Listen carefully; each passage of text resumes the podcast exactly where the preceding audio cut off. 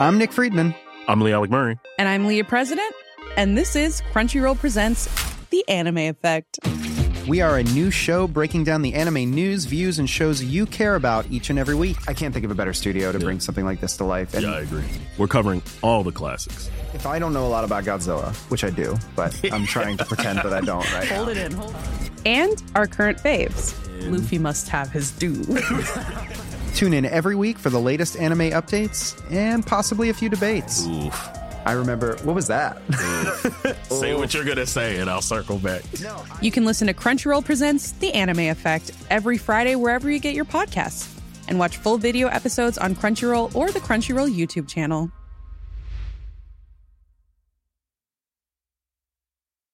Ryan Reynolds here from Mint Mobile. With the price of just about everything going up during inflation, we thought we'd bring our prices down. So to help us, we brought in a reverse auctioneer, which is apparently a thing. Mint Mobile unlimited premium wireless. Ready to get 30, 30, bit to get 30, bit to get 20, 20, 20, bit to get 20, 20, bit to get 15, 15, 15, 15 just 15 bucks a month. So, Give it a try at mintmobile.com slash switch. $45 upfront for three months plus taxes and fees. Promo rate for new customers for limited time. Unlimited more than 40 gigabytes per month. Slows. Full terms at mintmobile.com. Everybody in your crew identifies as either Big Mac Burger, McNuggets, or McCrispy Sandwich. But you're the filet fish Sandwich all day. That crispy fish, that savory tartar sauce, that melty cheese, that pillowy bun. Yeah, you get it. Every time. And if you love the filet of fish, right now you can catch two of the classics you love for just $6. Limited time only. Price and participation may vary. Cannot be combined with any other offer. Single item at regular price. Ba-da-ba-ba-ba. Hei sann.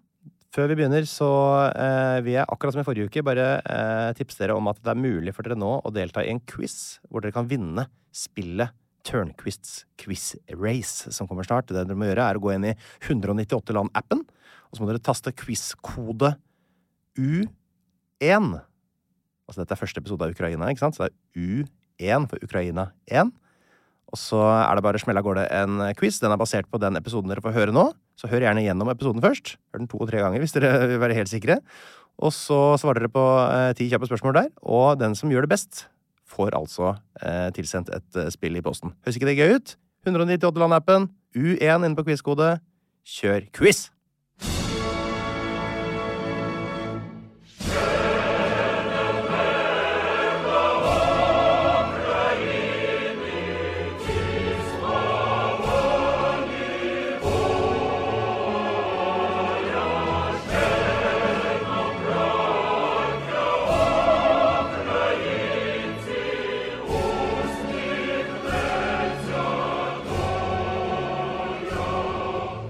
Da var det tid for eh, Ukraina, folkens. Jeg veit at mange av dere uh, ønska at jeg skulle ta dette her i fjor.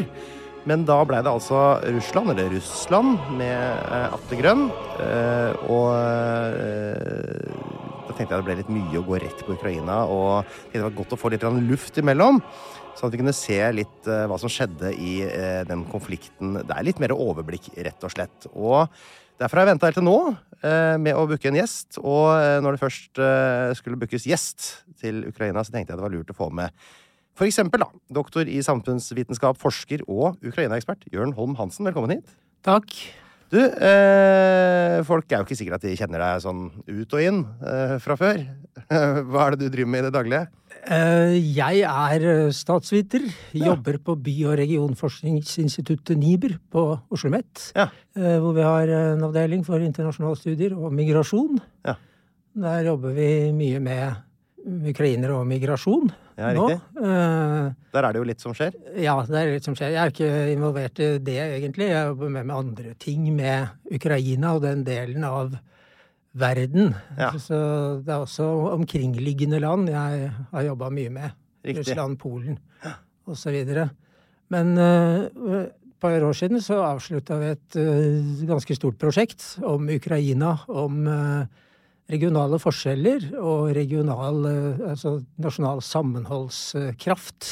Ja. Altså hvordan får man dette landet til å henge sammen når det er såpass store regionale forskjeller når det gjelder språk og forståelse av eh, Ukrainas historie osv. Og, Og vi fant ut at de forskjellene er ikke så store som det ofte blir framstilt som, og folk var interessert i å være sammen i denne staten, selv om de var litt forskjellige, snakker litt forskjellig språk Nettopp. hjemme. Men er det sånn at man på en måte under press så samler man seg, mens når man på en måte har uh, litt frihet, så er det gøyere å vise sin, sitt mangfold?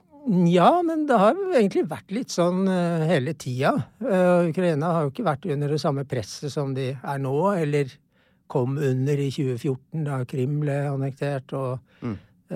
disse områdene i Donbass ble løsrevet av noen separatister med støtte fra Russland. Mm.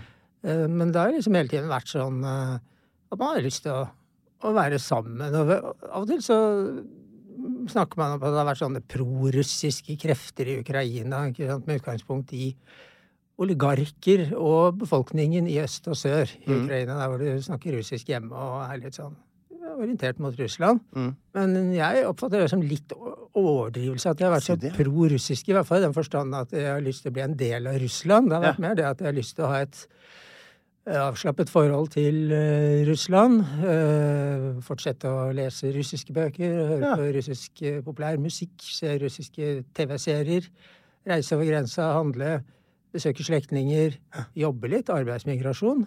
Russland er jo kanskje det største landet i Europa når det gjelder arbeidsmigranter inn, og ikke Ja. ut, som? Russlands naboland er. Og mellom to og tre millioner eh, ukrainere har reist dit for, som arbeidsmigranter eh, siden 1991. I tillegg til alle de andre ukrainere som bor i Russland eh, som følge av at de var en del av den samme staten, og det var arbeidsplasser osv. Ja. rundt omkring i Russland. Eksempel i Nord-Russland, hvor jeg har vært mye, Murmansk, Arkangelsk, så er det veldig mange folk eh, med bakgrunn fra Sør-Russland og Ukraina. Som, Det er litt, eh, litt overraskende det du sier, da. måte, For jeg tenkte at Eller jeg, jeg, kjenner jo ikke den situasjonen så veldig godt, men jeg trodde at liksom eh, At disse eh, østlige områdene hadde en langt større tilknytning til eh, Eller at det var noe sånn at mange gjerne ville at det skulle bli en del av Russland. Men da er det mer som Finnmark, da, på en måte. At de elsker bare naboene sine, så Ja, eh, og så kan de mer om Russland enn det folk i Finnmark kan, kanskje. Men disse folka i øst og sør i Ukraina, de kjenner jo Russland. Og Russland har jo ikke alltid vært så ille som det har blitt, egentlig siden 2012. Nei. Det har jo vært et ganske relativt sivilisert sivilisert land uh, inntil da, i hvert fall uh, fra år 2000 og, og framover. Og levestandarden her har vært høyere enn i Ukraina. Så det er liksom et land Så rart det enn kan høres ut nå. Et land folk har eh, Mange har sett eh, litt opp til, og i hvert fall sett på med avslappede øyne, hvis man kan bruke Ja, ja, ja. den metaforen. Nettopp. Og disse oligarkene, da, som er litt sånn prorussiske og har mye business med Russland. Ja. Altså næringslivet, Ukrainske oligarker? Det. Dem er det ikke så mange som snakker om. Nei, det må vi snakke om etterpå. For jeg blir ringt opp hele tiden av journalister som skal snakke om russiske oligarker Ja. hver gang en eller annen lystyacht har blitt tatt. Mm. Men eh, de spør aldri om uh, ukrainske oligarker. De har jo, har jo hatt innflytelse.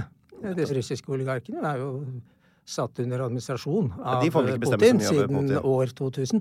Men, eh, men disse oligarkene, eh, som da er rike fordi at de grabba eh, de store bedriftene. Mm. Øst og sør i Ukraina havner og metallurgi, bearbeiding av metaller, gruver og alt mulig sånn. Ja.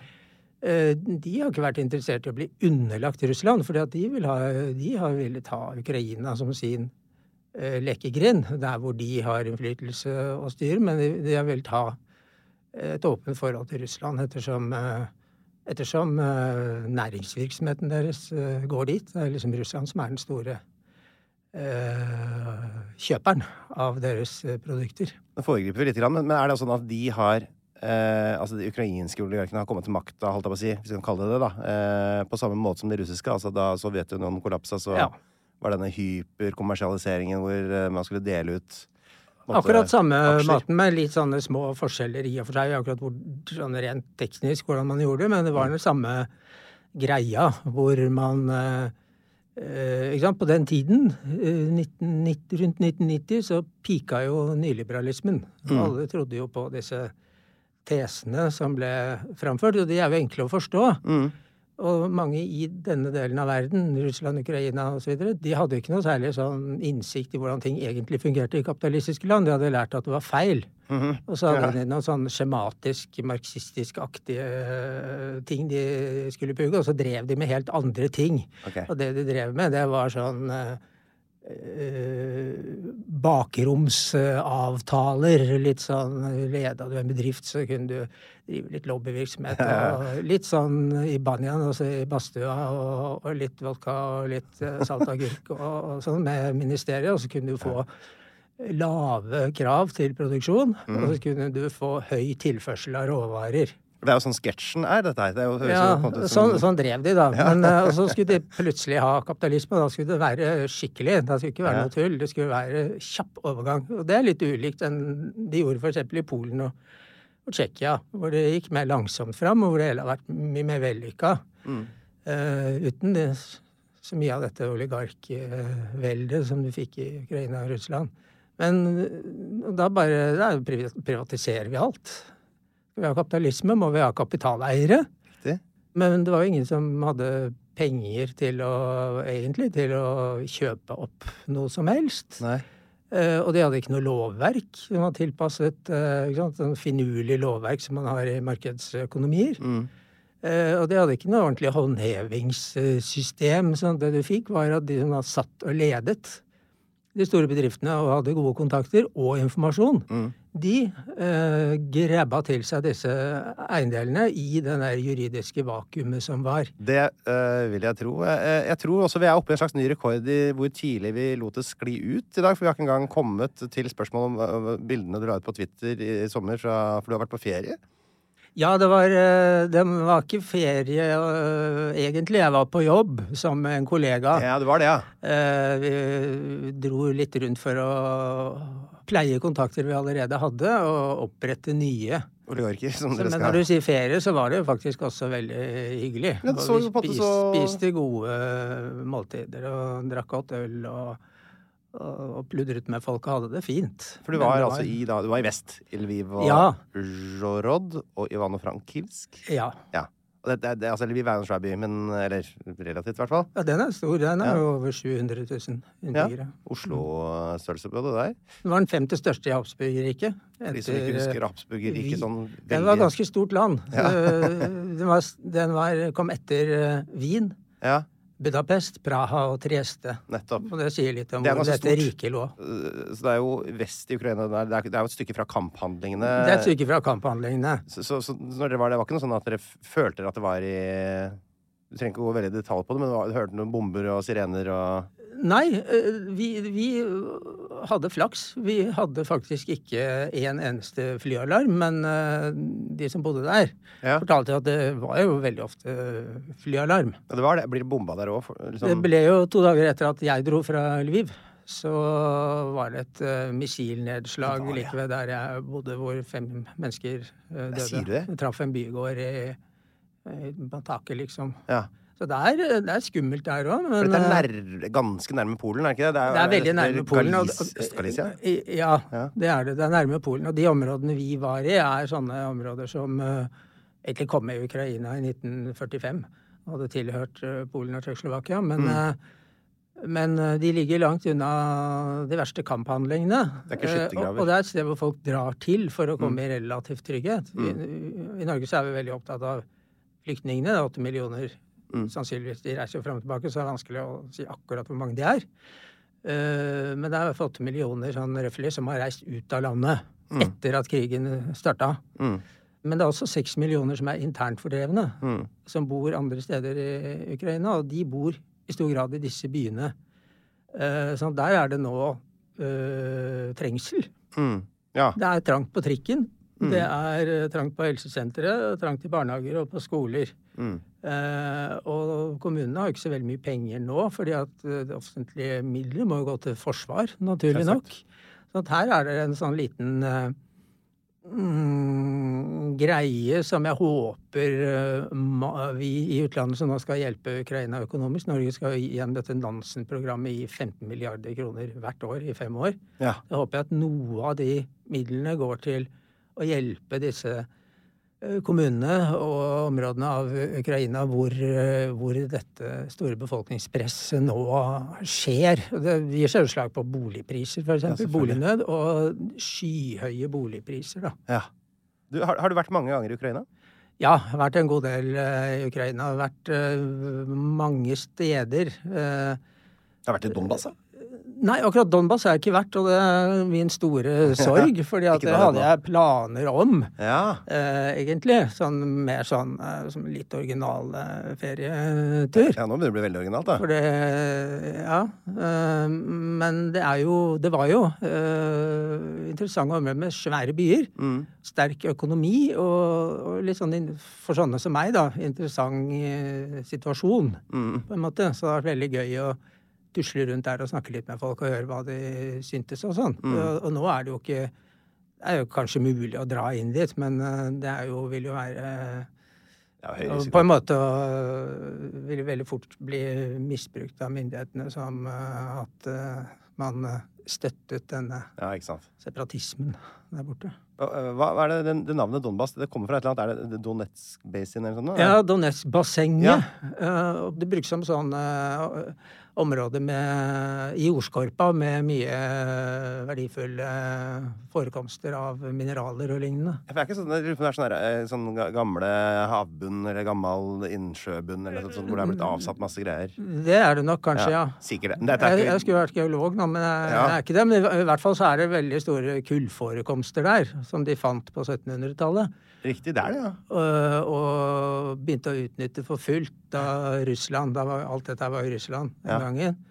Uh, skulle prøve å modernisere. Ja. F.eks. gjennom utbygging av jernbanenettet. ikke sant? De bygde jernbane til Murmansk i 1912, og Ja. Transsibirsk osv. Da eh, trengte de jo kull Mm. å drive lokomotivene. De trengte jern og stål til, eh, til skinner. Mm. Så da var det en voldsom boom der nede. I 1870 så kom det en waliser eh, ned dit som het eh, John Hughes, tror jeg. Ja. Og, som hadde erfaring da, fra kulldrift, eh, og, og som ledet det arbeidet.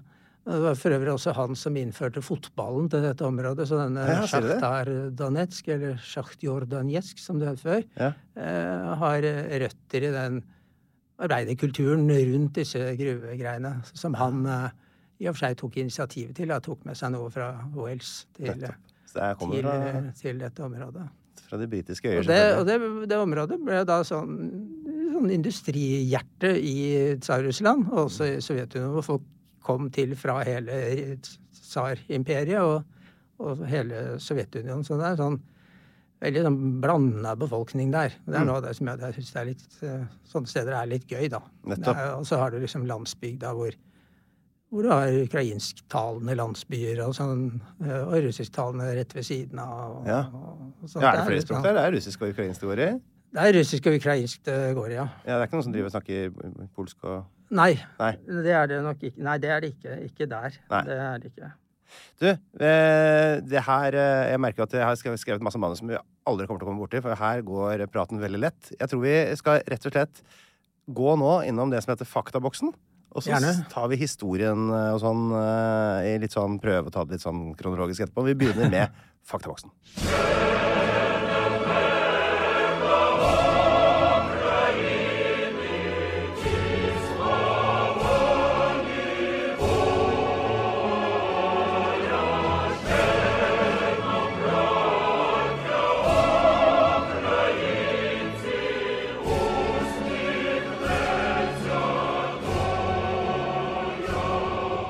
I Faktaboksen så lurer jeg på de grunnleggende tingene, selvfølgelig. De litt sånn quiz-aktige tingene om eh, landet. Og da er det hovedstaden vi begynner med. Og den heter jo selvfølgelig Kyiv. Ja, for den heter ikke Kiev. Nei, det heter den på russisk, men Ja. nå er det Det ble jo knesatt for lenge siden i Ukraina at det offisielle navnet er Kyiv. Ja, for hva var det, det de har sagt, liksom, hvis du dro til Kyiv i 2010? Hva, Ja. hva sa de selv? Sa de Kyiv? Det spørs hvem du snakket med. Ja. Eh, jeg var der vel omtrent på den tida, og Ja, jeg merket at det var eh, litt forskjellig. Ja, Det var, det var veldig mye russisk på gata, men så hadde de noen sånne møter med folk på universitetet der, og da insisterte de på å snakke ukrainsk. Mm. Og da kunne ikke jeg ukrainsk, så da hadde de tolk. Nettopp. For det er så stor forskjell på de språka at det Altså ukrainsk og russisk at uh, ja, for en som ikke er morsmålsbruker av noen av dem, så er Mm. det relativt Er det så, sånn forskjell at du Jeg skjønte jo i og for seg mesteparten. Mm. Jeg skjønte veldig ofte hva de snakket om, men ikke helt hva konklusjonen var. Jeg. Jeg skjønte at de snakket om et eller annet, men om de var for eller mot det, fikk jeg ikke alltid med meg. Nei, Er det så en fra Molde og en fra Malmö som møtes, på en måte? Eller det liksom Ja, Hvis det er en fra Molde og Malmö som aldri har uh, hørt den andre dialekten, så er det litt sånn Jeg, jeg sier at det er som norsk og svensk, for Ja. nå har jeg tatt ukrainsk for slavister, som det heter, på Blindern. Har du tatt ukrainsk for slavister?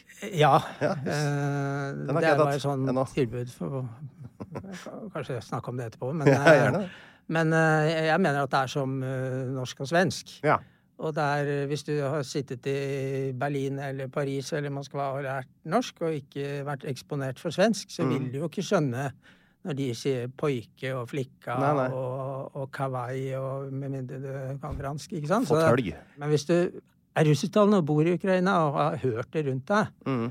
så vil jeg si at eh, det ikke er noe stort Nei. problem. Det er om lag som jeg nå skulle begynne å tale nynorsk. Ja. Det ville, være, ville ha vært litt uh, tungt. Jeg hadde begynt å tale nokså langsomt. Men, eh, men det er mulig, og det går an å venne seg eh, til det. Så det er ikke sånn veldig stort overgrep å si til de resultatene at eh, ok, når du er på kommunehuset og skal levere en søknad om et eller annet, så må du fylle ut skjemaet på ukrainsk. Jeg skjønner. ok, men så, så Kiev er hovedstaden, en svær by. Ja, tre millioner. Tre millioner, ja.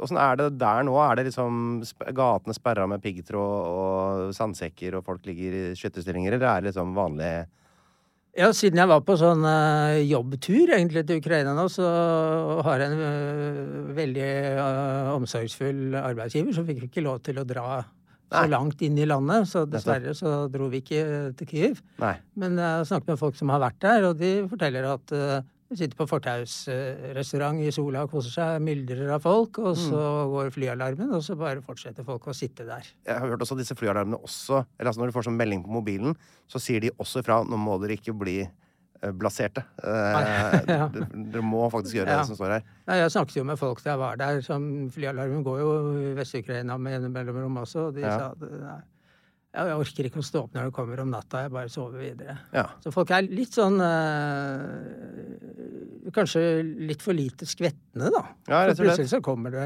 et nedslag, og da er løpet kjørt. Ja, og det er ikke så godt for de måte, som sender ut disse varslingene og sier om måte, dette her er helt bombesikkert. Ja, da. Nei, ord, men, eh, jeg tenkt, nei, nei, de må jo være føre var. Ja, så jeg har tenkt litt på hvis Norge hadde kommet i samme situasjon her i Oslo, eller en Mm. annen norsk, et norsk sted. Så, Første flyalarmen, den tar så tror jeg vi ville vært mer skvettende. Altså, ville løpt ned i kjelleren og i tilfluktsrommet. Hadde gjort det.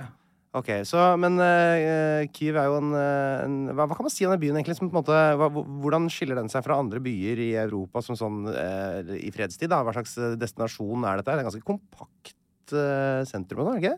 Det er kompakt sentrum, og hvis man liker bymiljøer Ja. og pulserende byer med mye fin, gammel arkitektur og flotte kirker og, og sånn, så vil man like. Kiev. Jeg, jeg syns det er en veldig hyggelig by. Det er noen som sier at det er altfor stor og masete og sånn, men Ja. det spørs hva man liker. Og så er den jo veldig kupert, da, sånn at det er litt sånn Den Det er bratt, ja. Sant det. den er bratt. De har jo Jeg tror det er verdens eh, dypeste metrostasjon, eller nest dypeste Ja, den metrostasjon. Arsenalka, eller hva det Ja, heter. Ja, den ja. tror jeg er på andreplass etter Pyongyang. Det blir ofte lett å glemme i Pyongyang. Eh, De har selvfølgelig den aller dypeste. Der har jeg faktisk vært, eh, på? T-banen. Så ja. Ja, jeg har vært på begge de stasjonene. Ja. Foretrekker Kyiv hvis jeg skal dra på Ja, du har større Langhelg. frihet da når du skal måtte bevege deg rundt fra det er, det er ikke så mange som passer på deg i eh, Kyiv som i Pyongyang. Det er det ikke.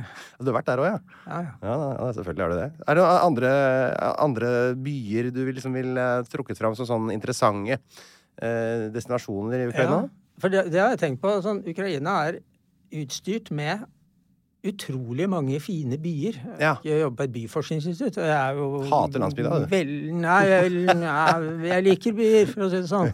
Syns det er morsom, morsommere kanskje å være der. Ja, ja. Bygda er både litt sånn, gjentar seg litt. Skjer, skjer overraskende ting hele tida. Mm. Og de har veldig mange fine byer. Jeg har ikke vært i én ukrainsk by hvor jeg ikke har likt meg veldig godt. Sier du det?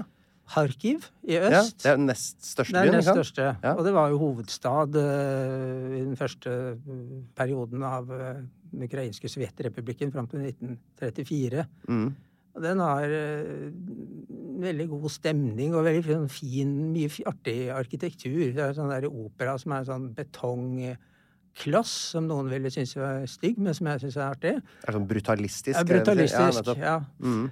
Eh, og så har de noe som heter Der Sprom, eh, som var eh, hovedsete for planøkonomibyråkratiet i Sovjetrepublikken Ukraina, da det var hovedstad, som er bygd i sånn nærmest sånn konstruktivistisk stil, sånn funkis. Kan nesten ikke tenke meg noe mer sovjetisk. Svær klump. Nei, Ja. men det var sånn som Stalin hatet, da. Så det var slutt på å bygge sånn. For han ville ha sånn han var egentlig veldig konservativ, så han likte sånn arkitekturopprør-greier. Sånn med, med, med, med eh. krimskrams. Ja. og det skulle være Mennesket skulle føle seg lite og, Ja. og foran denne store høykulturen med, med, tårn og spir og, og bløtkakeornamentikk. Det er skudd for baugen for arkitekturopprøret at du får Stalin på laget her, da. Ja, de bør tenke over det. Ja, de bør tenke over hvem de blir slått i hardcore med, i hvert fall. Så, så Kharkiv er en, en attraktiv by å reise til. Selvfølgelig ikke akkurat nå men, men det var en av de byene som ble hardt angrepet i starten av Ja. krigen, ikke sant? Den ble hardt angrepet. Og de som vi har samarbeidet med der, som er Sosiologiske instituttet på, på universitetet, bygningen deres var den andre bygningen som ble eh, rammet Ja. eh, under invasjonen. Er det der vi så noen bilder at det var noe som bare, det bare gikk en sånn rakett bare rett gjennom hele bygningen? Det var en sånn husker Eh, det var en annen by, så hvis det var litt sånn mer nylig men Jeg husker ikke helt hvilken by det var, faktisk. Nei, men, eh, det har jo vært mye av det. Men det, har vært, det var veldig dramatisk der Mm. en stund. Det var jo Folk eh, overnatta nede i metrostasjonene, og, Mm, ja, og liksom utkantbydelene ble Eller forstedene ble så å si tatt. Hadde, vi har jo gode kolleger der.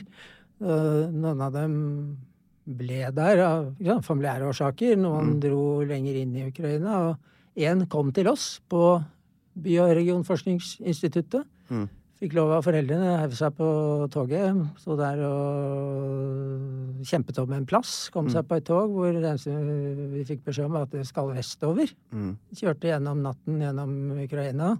Det er et enormt bra togsystem. Ja, jeg skjønner Eh. Det kan vi snakke om eh, etterpå, kanskje. Men eh, Ja, Du tok imot statsbesøk via tog og sånn midt Ja. under den mest aktive fasen der. ja. Og, ja. Nei, men hun kom seg gjennom der, satt der og overfylt tog, og om natta måtte de skru av lyset, sånn at ingen så dem og kunne ramme dem. Og Mm. toget ble omdirigert hele tiden. Og heldigvis så har de jo veldig mange toglinjer, Mm. så at de kunne omdirigeres. Og så, så i løpet av et par måneder så, så snakket hun norsk, og er nå full fart som eh, en av de mest aktive forskerne på instituttet med masse prosjekter og foredrag og intervjuer og Ja.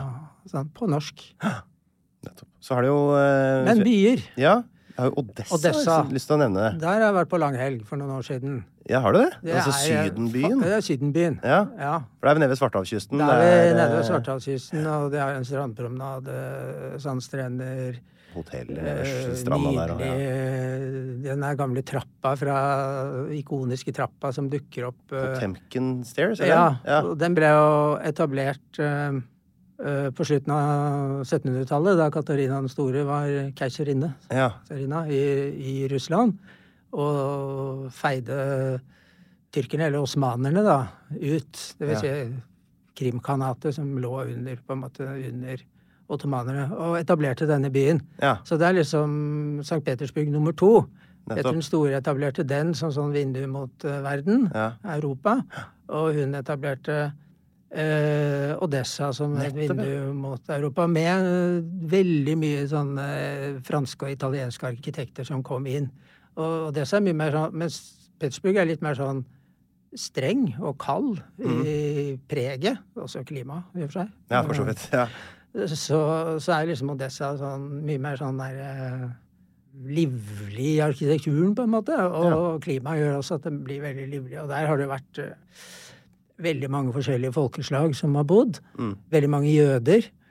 Og, og folk fra, egentlig fra hele Europa, fordi det Katarina store gjorde da hun tok disse områdene og la under det russiske imperiet, var jo å invitere inn folk som kunne befolke området.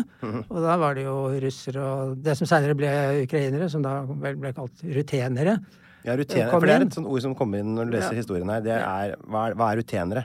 Det er eh, de østslaviske og ortodokse eh, folkeslagene som eh, havnet eh, først under storhertugdømmet Litauen, og så da det ble sammensmeltet med Polen, havnet inn under Polen. 1700-tallet. Så det er, ja. eh, ja, det er enda tidligere, egentlig. Ja, det er det. Eh, 1300-tallet og Oi, så tidlig? Ja, og de ble kalt rutenere, og kalte seg eh, det selv, i og for seg. Og så seinere fikk de en, på slutten av 1800-tallet, en bevegelse som gikk inn for at de skulle eh, altså, De var jo så like ukrainerne på den andre siden av grensa, nemlig inne i det russiske imperiet, Mm. at de burde slå seg sammen.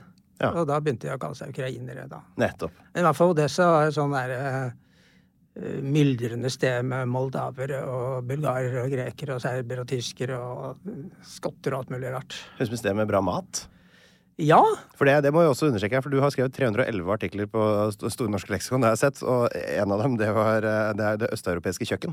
Det står du for. ja, jeg har ansvaret for det, det, ansvaret for det viktige fagområdet i Store norske leksikon. Ja. Så der er det en autoritet, altså. Min mistanke er at det er sprit, kål og majones. eh, Det går i der.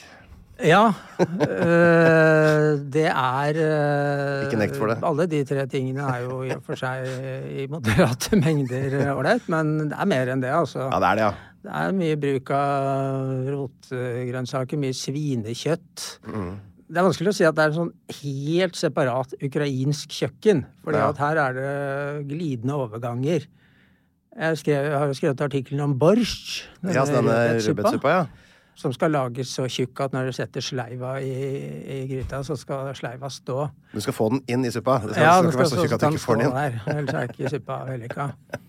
Men den har de jo i Polen, og det Ja, har den i Russland, Det og har den i, i i, i Litauen. Men da fikk jeg sånn uh, leserinnspill uh, til den artikkelen om at jeg måtte understreke mye tydeligere at dette er en ukrainsk suppe. Oh, ja, og de andre landene jeg nevnte, måtte komme i annen rekke. Så dette er en slags politisert suppe. Det er en politisert suppe, sånn som mye annet i Ukraina. Men de er stolte av den suppa, og den ukrainske er jo, varianten er jo veldig god. Men det de er veldig opptatt av, er noe som heter salo. Ja, Og det er fettet fra er ryggen på svinet. Ja. Jeg syns det er veldig godt. Det er, bare fett. svor, er ikke det? Er ikke det vi Ja, eller bare fettet under svoren. Ja, nettopp. Så det er bare fett. Spekk. Så det, det som er rett under svoren på ribba? Ja. Ja, men helsike, det er jo det man skjærer bort, er ikke det? rygg, eller på ryggen av Ja, ja, Ja, men Ja, men eh, ukrainere skjærer ikke bort det. De selger det, spiser det i tynne skiver sammen med saltagurker og annet sånn småting. og Ledsaget av vodka eller horulka, da, som er sånn egen sprit som de Det er det best østeuropeiske jeg har hørt. Altså, den Ja, kombinasjonen men der. eh, det er eh, ifølge veldig mange ukrainere, og også yngre ukrainere, så er det veldig sunt. Det var mye sure oppstøt og sånn. Disse babuli, eller babusjki, da, Ja, bestemødrene. bestemødrene, de vil alltid prakke det på Ja. sånn at du ikke blir syk. Ja, sånn at, du blir, eh, sånn at du blir en kraftkar. Ja, nettopp. Jeg spiser mye av det, og jeg er ganske sunn og frisk. Så, Ja, du ser jo helt frisk ut, du. Men kombinerer kanskje litt med, med noen grønnsaker og sånn innimellom, eller? Eh, ja. Salte agurker. Ja. Så, sånn at, eh, men det vil jeg absolutt anbefale alle Ja, ja, ja. som støter på det. Du får kjøpt det i butikker, i hvert fall her i Oslo.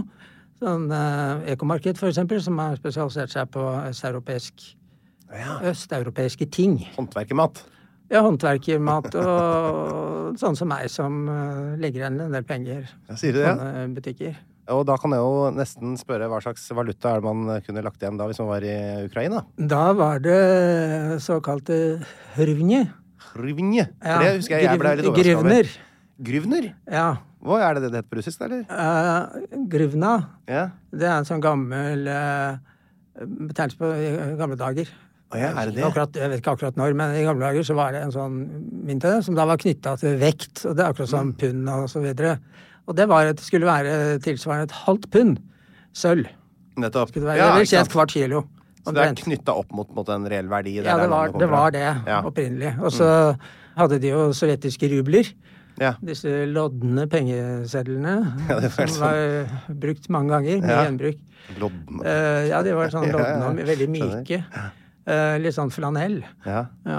Bruk. Og de hadde en liten verdi øh, etter 1991, da Sovjetunionen ble oppløst. Så innførte de noe som het uh, okay. Som var et sånn mellomstadie. Og så Ja. var det vel 1996 de innførte denne grivnaen, da. Ja. Eller hrivna. De sier alltid H i stedet for G.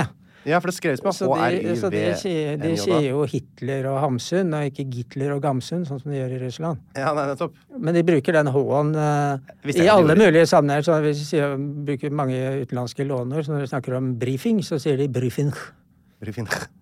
Det, det blir en konsekvent H, da, Nettopp, NG. G.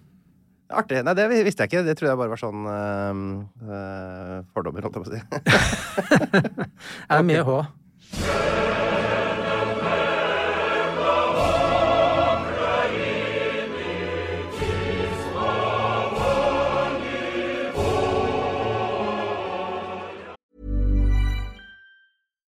Do you love anime, gaming, movies, and discovering how your favorite pop culture affects everything you do? Then join us on Crunchyroll Presents The Anime Effect. I'm Nick Friedman. I'm Lee Alec Murray. And I'm Leah President. Every week, you can listen in while we break down the latest pop culture news and dish on what new releases we can't get enough of. Whether you love movies, I'm going to tell you all about the uh, hopeful 4K re release of Tron Legacy that happens. I'm right there with you. Or music. The music in this show Yeah. is absolutely incredible. Or anime. And under this mask is another mask. you can discover your new favorites right here on The Anime Effect. Listen every Friday wherever you get your podcast and watch full video episodes on Crunchyroll or on the Crunchyroll YouTube channel. We love our pets, but when the floor is covered in fur, that's harder to love. Eufy X10 Pro Omni Robot Vacuum has powerful 8000 PA suction to make hair vanish from floors in just one pass. Plus, the roller brush has automatic detangling for easy hands free maintenance. Want to know more? Go to eufy.com, that's EUFY.com, and discover X10 Pro Omni, the best in class all in one robot vacuum for only $799. Hey, I'm Ryan Reynolds. Recently, I asked Mint Mobile's legal team if big wireless companies are allowed to raise prices due to inflation. They said yes. And then when I asked if raising prices technically violates those onerous two year contracts, they said, What the f are you talking about, you insane Hollywood ass? So to recap, we're cutting the price of Mint Unlimited from $30 a month to just $15 a month. Give it a try at mintmobile.com slash switch. $45 upfront for three months plus taxes and fees. Promo for new customers for limited time. Unlimited more than 40 gigabytes per month. Slows. Full terms at mintmobile.com.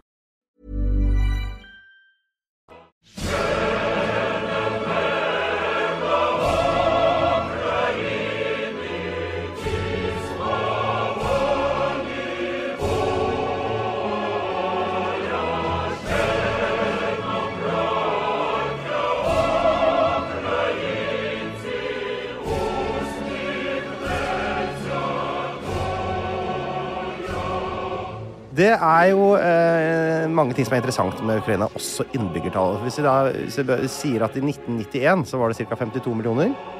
2022, hvis det tar nyttår her, så var det ca. 43,5. Mm. Eh, hvor mange tipper du det er nå i, i september 2023 når vi spiller inn dette? Det er vanskelig å si, fordi, nettopp fordi at det er såpass mange som reiser ut av landet og også kommer tilbake. Folketallet har gått raskt tilbake helt siden 1991. Mm. Det var jo sånn, De har ikke hatt noen folketelling siden 2001. Nei. eh, Med den begrunnelse at de ikke har eh, råd til det. Eh, Ja, det det er gjort noen sånne, sånne forsøksvis eh, folketellinger. I Ja. 2019 for eksempel, før denne innovasjonen. Mm. Og da var de nede på var det vel 41 eller 43. Og så var det Ja. en de gjorde ved hjelp av mobiltelefoner. Ja. De var helt nede på 37 Ja. millioner. sånn at det er, eh, det er et utvandringsland. Ja, 36,5 er det laveste tallet jeg har funnet. da. Ja. Nå er jo alt litt sånn Ja. gjettebasert her, men det er nok i det området, hvis du trekker fra antall på en måte, flyktninger som har registrert seg i utlandet. Og så kom jo ikke sant, De mista jo 12% av befolkningen da Russland okkuperte Krym og disse såkalte folkerepublikkene i øst. Donetsk og Luhansk. Donetsk. Ja. Og så er det åtte millioner som har reist ut. Mm. Eh, Sannsynligvis nå, da. Mm. Så det, de er jo Ja, det er jo- nede på 20-tallet et eller annet sted. Altså. Og det er jo en halvering av eh, Kanskje en halvering da, av hva de var i 1991. Og det er ganske dramatisk for et land.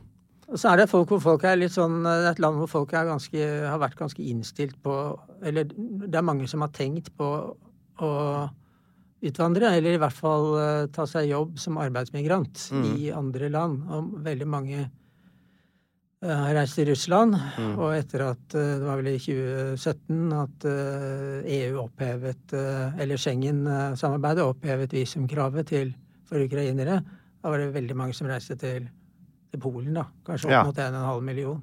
Oh, ja. Og Tyskland. Nettopp. Det er jo Altså, jeg mister syns jeg stadig vinner og får tilbake land. Vi skal, vi skal Og mister land. Vi skal, vi skal se mer på det etter hvert. Nå skal jeg bare vite hvilke land grenser Ukraina per 2023 til. Eh, Moldova, Ja. eh, Slovakia, Ja. eh, Ungarn, Slo- Yes. Slovakia, Polen, Yes. Belarus og Russland. Og Så er Romania inni der òg. Romania, selvfølgelig. Yes. Ja, Det som avkutta Moldova fra kysten der, så får du en liten grense mellom Romania og Ukraina. absolutt. Jeg har vært i de områdene. Det bor fremdeles en del rumenere der, Nettopp. som er veldig opptatt av at de er rumenere. Ja, ja, men folk er vel opptatt av hva de er. ja. ja. Det skal vi ikke ta fra dem. Så har de da kyst mot Svartehavet og Azovhavet, er ikke det heter? da? Jo. Alle husker vel Azovstal, den ståleverket hvor det var harde kamper. Styresett i Ukraina. ja, det er republikk. Republikk eh, styrt av en president som heter? Volodymyr Zelenskyj. Volodymyr Zelenskyj. Han het Vladimir uh, før? Ja, ja, han var uh, Han kommer fra en by som heter Krivirich. Uh, russisk Krivoj Roch. Ja. Som er en industriby øst i landet. En av byene med metro, for øvrig. Ja. Og der snakker jo nesten alle russisk. Mm. Og hele hans liksom oppvekst og miljø var russisktalende. Og han var, han var en av dem som gjorde karriere i Russland som moromann og, Mm. Showmann. Mm. Eh, Både Russland og Ukraina. Det var veldig De utveksla jo sånn populærkultur Ja. veldig, veldig lenge. Russere så på ukrainske ting som var på russisk, da. Jeg har selv hatt russisk TV hjemme og sett på For å liksom kose meg litt med språk og sånn. Og sett på såpeoperaer. Som er ganske og Så, Det er ikke så mange fremmedord i Når såpeoperaer. rulleteksten har kommet, så har det ofte stått at den er fra Odessa eller Kiev. Ja, ikke sant? Men det har vært på russisk, og det har ikke vært mulig å se at det var Nei. ja, Kanskje hvis jeg hadde vært litt mer observant, så hadde jeg skjønt at det var i Ukraina. Men uh, de, er men, de var liksom laget mer for sånn generisk postsovjetisk eh, miljø og publikum. Jeg skjønner. men vil det si at Zelenskyj altså, han var, var litt sånn stjerne i Russland nå før, men Ja. De har kanskje slutta å sende reprisene av den uh, Ja. presidentserien? Hva het den serien igjen som han Eh, folkets tjener. Folkets tjener, ja, nettopp. Ja, Som han ble berømt for. ja som- den jo, har jo appell i hele tidligere Sovjet, fordi, fordi at han spiller på mye sånne ting som folk eh, kjenner igjen. Sånn eh, spyttslikking overfor autoriteter, mm. korrupsjon, eh, snusk, eh, nasjonalisme eh, og antinasjonalisme. Han, han sparka i alle retninger. da. Jeg har sett ganske mange av de episodene. Det det, ja. Og de er ganske morsomme. Er det sånn som vi nordmenn hadde skjønt liksom, nyansen i den humoren? Eller er det liksom litt for fjernt for, fra vår virkelighet? Jeg tror en del av det hadde vi skjønt, Ja. sånn uten å kjenne til den regionen. Men det er jo en del nyanser som ville gå tapt, og Ja. kanskje går tapt for meg òg, når jeg ser det.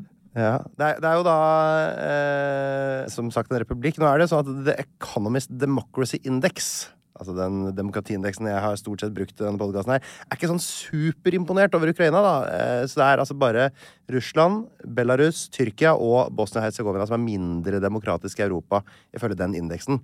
For da er liksom, her er liksom Ukraina på nivå med Liberia og Honduras og sånne både land som vi ville kanskje blitt litt skuffa over å bli sammenligna med. Gir det mening? eh, Ja, Høres kjent ut? det gir mening. Hva er det? Er det pga. Eh, korrupsjon og sånne ting? Det er korrupsjon og vennetjenester, kameraderi, nepotisme, Mm. eh, som det kalles. Eh, og så er det Nå er jeg ikke helt sikker på hvordan de lager den indeksen, Nei, men uh, den er, eh, den er jo anerkjent og, og proff. Ja. Men det henger jo også sammen med at du på en måte egentlig ikke har partier. Du har jo mange partier, Mm. men de er ikke ordentlige partier. Det er ikke sånn at du har, De har ikke noe særlig medlemsbasis. Det er ikke sånn at du møter på noe lokallag og krangler om hva de lokallaget skal sende inn som forslag til Nei, sånn partiprogram. En liten kommer det campingvogn og liksom vaffeljern På og- og så kommer du på landsmøte, og så vedtas det noe. Ja. Men Det blir bare bestemt liksom Ja, av noen sånne høvdinger. Veldig sånn vanskelig å finne ut hva forskjellen på dem er, altså hver gang de blir valgt, da. Ja. Og det skal Ukraina ha, at de har jo maktskifte. Det er veldig annerledes enn Russland, hvor liksom Putin har sittet siden uh, Medvedev var jo president mellom dem. Jo, jo, men uh, da var Putin statsminister. Ja, ja, ja, selvfølgelig. Det var Så, jo men uh, tidenes finte. Så det er jo annenhver gang, og så etter et halvt år så er meningsmålingene på bunnivå, ikke sant? Mm. folk misfornøyd. Mm. Sånn at, det er ikke sånn at politiske valg på en måte gir noen endring. Nei. Nei, det ender liksom alltid med det samme korrupte greiene. Eh, politikken kommer ovenfra og ned, ikke nedenfra og Ja, det kan du trygt si. Ja. Mm. Og, og så er det litt sånn eh, Ikke liksom programmatiske partier, som det heter. Det er vanskelig å se ideologiske skillelinjer og sånn. Så hva er det folk velger, da? Stemmer bare på dem de syns ser hyggelig ut, da? Eller høres Ja. Det har vært en sånn tendens at enten så stemmer du på en kandidat som kommer fra øst, eller en kandidat som kommer fra vest. Og så Mm. er det litt sånn I vest så er det alltid en sånn ja, nærmest nasjonalistisk eh, Mm. kandidat som sier at de vil inn i Europa og sånn, og så er det gjerne en kandidat i øst som er litt mer sånn vi må samarbeide begge veier. Multivektor, som de sier. Ja. Litt med Russland og litt med EU. Mm. Og så er det liksom nok velgere som da vakler til at den ene og den andre sida vinner omtrent annenhver gang. Ja, det med. Zelenskyj var noe helt nytt. Ja. Feide liksom alle andre konkurrenter til side. Eh, Og hadde stor oppslutning i hele landet, bortsett fra helt i Galicia, i, I? Lviv. Ja. Ja. Så hadde han, eh, hadde han flertall. Og, men han hadde heller ikke noe program. Nei. Han, han, eh, han var utslag av det noen kaller kjendispopulisme. Ja, ja, ja. bare kommer en eh, kjendis som eh, Husker vi tulla med det i Norge òg? Vi drev og lagde sånne satireprogrammer. Ja, alle var- lo, Ja, alle lo jo av der, men det, det han signaliserte, det var at nå må vi lage et Ukraina som er for alle. Mm. Alle måter å være ukrainer på er like mye verdt, så lenge Mm. du respekterer staten, på en måte, dette felles prosjektet som er, er Ukraina. Og det hadde, hadde appell. Mm. Uh, og også det at nei, vi må få til fred i øst. ikke sant? Det hadde vært en ganske, var jo en fæl krig hele tida, siden Mm. 2014. I øst, hvor, eh, hvor uh, Ukraina skjøt inn mot disse såkalte folkerepublikkene for å ta tilbake disse landområdene, som det var all mulig folkerettslig grunn til å gjøre, men det ble også skutt tilbake, så det var ganske store menneskelige lidelser. Men så spurte liksom folk ja, ja, hvordan har du tenkt å lage fred i øst, da? Nei, begge parter må slutte å skyte. Ja. Men liksom, ja, hvordan skal vi få til det? Og så videre. Sånn at det, det var veldig løst. eh, Hele greia var veldig løst Ja, det har ikke blitt fred der, faktisk. Nei, det har ikke blitt fred der. Ok, så, så Hvordan er hans standing nå, da, eh, i sammenlignet med liksom før eh, eller da han ble valgt? Og nå, han ser på meg holder vel populariteten godt nå? Ja, han eh, led akkurat den samme skjebnen som andre presidenter og regjeringsflertall har gjort i Ukraina. Stuper etter valget? Stuper etter valget. Han lå veldig lavt Mm. på meningsmålingene før denne krigen. Han hadde jo ikke liksom fått gjort noe særlig Nei. med det han hadde tenkt å få til. Og så hadde han eh, mektige fiender da, i den leiren som ble slått i 2019, altså kretsen rundt Petro Porosjenko. Mm. Eh, Som- denne sjokoladeoligarken. Oh, ja. Diabetiker og sjokoladeoligark. Han, eh, han, har, har jo, har jo Han var på en måte Vestens eh, kandidat, fordi Vesten visste hvem han var. Og Ja. han Ok, han var mer og mer nasjonalistisk, Mm. Eh, men han var liksom tilhenger av integrering med, med Vest, sånn at man støttet egentlig han, og syntes eh, kanskje Zelenskyj var et litt sånn eh, usikkert kort Mm. kritikk mot han. Jeg husker Putin hevdet jo at Zelenskyj var narkoman. Ja, det har blitt sagt mye rart i denne krigen. Ja. Men ja, fortell. Men det var jo en idé Putin ikke hadde sugd av eget bryst. Nei. Men det var jo noe denne Porosjenko-fløyen Ja. eh, Det var et rykte de hadde spredt tidligere. Sånn at han bare plukket opp det fra den fløyen. Så er narkoman, jøde, nazist Hva annet er det ikke er? Jeg tror det var gøy å prøve å samle opp alle skjellsordene som er brukt om den mannen. Ok, Bare et sånt spørsmål sånn for å sammenligne med norsk politikk. Sånn, hvordan, eh, altså Bare se på sånn, demokrati og korrupsjon og sånn. Eh, Så når vi spiller inn dette her nå, så har det akkurat vært en skandale med Erna Solberg eh, og hennes mann, som da hadde aksjer inne på presidentens kontor, holdt jeg på å si. Hvordan hadde det Hadde folk lea på noen øyenbryn hvis det hadde kommet ut i Ukraina? Eller er det Ja. mer sånn Ja, det hadde det, ja. De hadde det. Mm. Eh, Men det hadde det hadde virket kjent. Ja, det hadde virket kjent. Begynner du å virke kjent i Norge nå, da? Jeg blir kjent i Norge òg, men eh, ja, det kan du si. Men enda mer der. Ja, men folk reagerer. Folk er ikke glad i denne korrupsjonen. Nei, det, de er ikke det, nei. Det som er koselig- trist med det, er at eh, det sprer seg liksom en sånn, med god grunn i og for seg, da, men en sånn mistillit til alle politikere. Mm. Selv sånne som man stemmer på. Mm. Ikke sant? Det viser jo at Zelenskyj har hatt penger på, et skatteparadis, ikke sant. Og det, der kommer sånne ting hele, Mm. hele tida. Illusjoner eh, brytes. Ja, og korrupsjonen er jo ille. Eh, Jeg hadde et sånt lite håp om at denne invasjonen Aldri så galt at det ikke har gått for noe tankegang. At Mm. invasjonen ville føre til at nå er folk ærlige, i hvert fall så lenge landet er under eh, brutalt angrep Mm. fra en annen stat. Mm. Men det har ikke skjedd. Nei, har ikke det, nei. Selv i toppledelsen i militære forsvarsdepartementer så er de nå, har de blitt avslørt. Og det, igjen, Altså, at- pressen i Ukraina er ikke helt uh, kontrollert. Nei, det er ikke det. Eh, selv ikke under den unntakstilstanden som er nå. Og de har fått fram at uh, toppledelsen i militæret har da for eksempel kjøpte inn mat til gutta og jentene ved fronten Mm. til en pris som er tre ganger så høy som den egentlig hadde behøvd å være. Og så har de da tatt eh, og delt uh, mellomlegget eh, mellom seg og, og, og leverandøren. Sånn at de bokstavelig talt tar maten ut av hendene på de som ligger ved fronten, og Ja. beriker seg. Og de, og de som eh, sitter og leder disse komiteene som driver med ja, sesjon, nærmest, altså rekruttering av soldater, Ja. de tar jeg tror det er sånn ca. 100 000 norske kroner for å la folk uh, slippe. Ja, ikke sant. Så du kan slippe over undervisning. Uh, ja, sånn det, det er liksom korrupsjon selv i Til enkeltpersons berikelse, ikke til Ja. uh, Nei, til, the greater good. Det er et veldig dårlig tegn, da. Veldig. Også, men det er utrolig vanskelig å ja, det, det er, Jeg skjønner jo at det er veldig fristende. Og det er jo sånn Ja. vanskelig å komme til buks med det greiene der. Det. Zelenskyj har gjort med de, akkurat de der eh, rekrutteringskontorene, er at han sparker alle. Han sparker jo folk, da. Ja, sparker jo. Og så kommer det bare nye som er korrupte, i og for seg. Men det man har satt inn der, det er folk som har vært ved fronten, og som er blitt stridsudyktige fordi de har blitt skadet. Mm. Sånn at det er krigsinvalider, egentlig, som skal lede disse komiteene. Og da er Zelenskyjs tanke at de vet hva denne krigen er. Mm. De er eh, kommer til å være ærlige. Eller mer ærlige enn de, de andre. Så ser jeg se hvordan det funker. Det er sånn Industri- og Næringspartiet gjør det ikke det? De skal, at du må ha jobba fem år på gulvet eller noe sånt for å være med i partiet. Det er noe sånn nytt eh, Det er Ja. en, en liten trend. Ja, litt livserfaring kan jo komme godt med. Jo eldre jeg blir, jo mer eh, opptatt er jeg av det når jeg argumenterer. Litt livserfaring, gutten. vet. Livets harde skole. Er Ukraina større eller mindre enn Norge? Større, vil jeg tro. Det- det, vil jeg det tro. stemmer. I hvert fall tjukkere. Det er, tjukkere det er nesten dobbelt så stort som Norge. Hvis du tar disse da, det som er eh, FNs måte, grense rundt Ukraina, det er da utgjør da eh, 603 1700 kvadratkilometer. Det er- Det er altså det største landet som da i sin helhet ligger i Europa, for å ta den lille funfacten der. Men så kommer da Russland, eh, okkuperer Krym 2014. Da synker altså arealet med 42 000.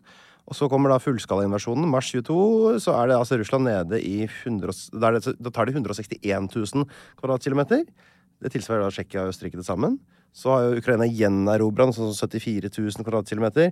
Og tallet altså, Fram og tilbake her, men hvis man sier at russiske styrker kontrollerer rundt 15% av Ukraina, så er man vel kanskje sånn cirka inne på noe, eller? Jeg tror det. Ja. Ja. Så vi får, får si at eh, Men vi, vi står på 603 700 kvadratkilometer. Ja. Svært. Og flatt. Ja. Apropos flatt. Hva er høyeste toppen, vet du det? Den er ikke flatt. Nei, men det jeg tror jeg vet, er at de må ligge i Karpatene, og at de Det ikke er så mye høyere enn 2000 meter. 2061 meter. Ja, Hoverla heter det. Er det Goverla, da, hvis det Ja, Hoverla. eh, Hoverla, tenker jeg. Ja. Ja. Det har vel noe med hodet å gjøre. Å ja. Hove. De snakker nynorsk. Ja. Så er det verdt å merke seg at 95% av Ukraina er altså paddeflatt. Det er paddeflatt, og så er det mye såkalt svartjord.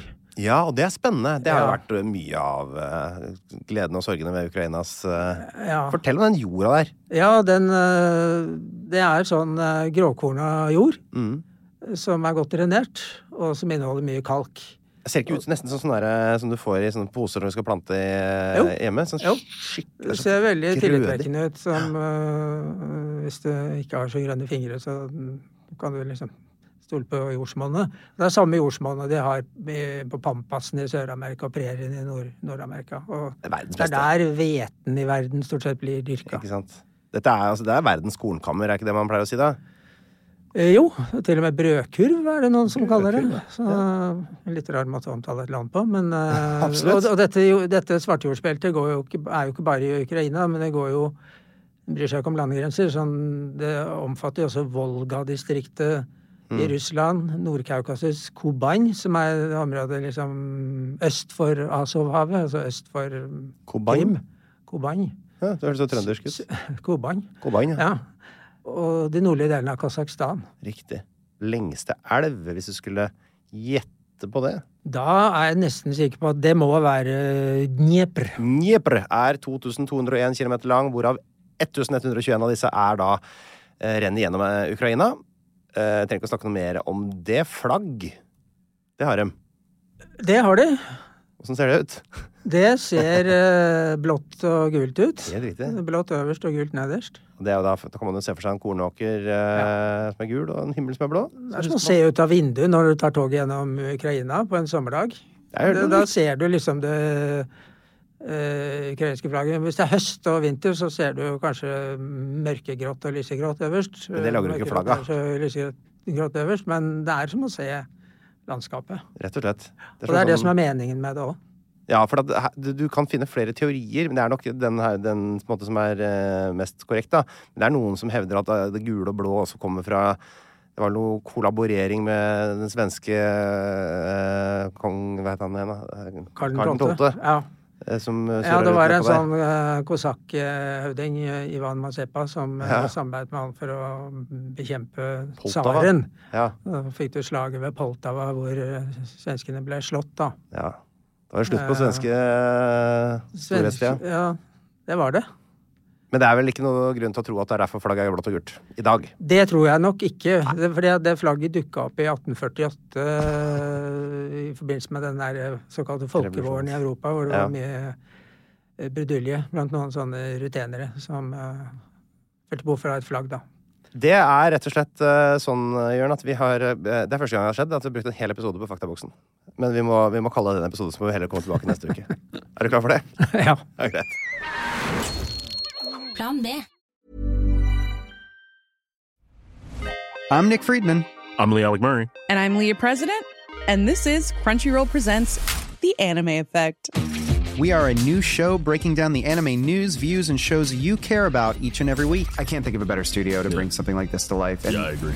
We're covering all the classics. if I don't know a lot about Godzilla, which I do, but I'm trying to pretend that I don't right Hold now. it in, hold it And our current faves. in. Luffy must have his due. Tune in every week for the latest anime updates and possibly a few debates. I remember, what was that? Say what you're gonna say, and I'll circle back. You can listen to Crunchyroll Presents The Anime Effect every Friday wherever you get your podcasts. And watch full video episodes on Crunchyroll or the Crunchyroll YouTube channel.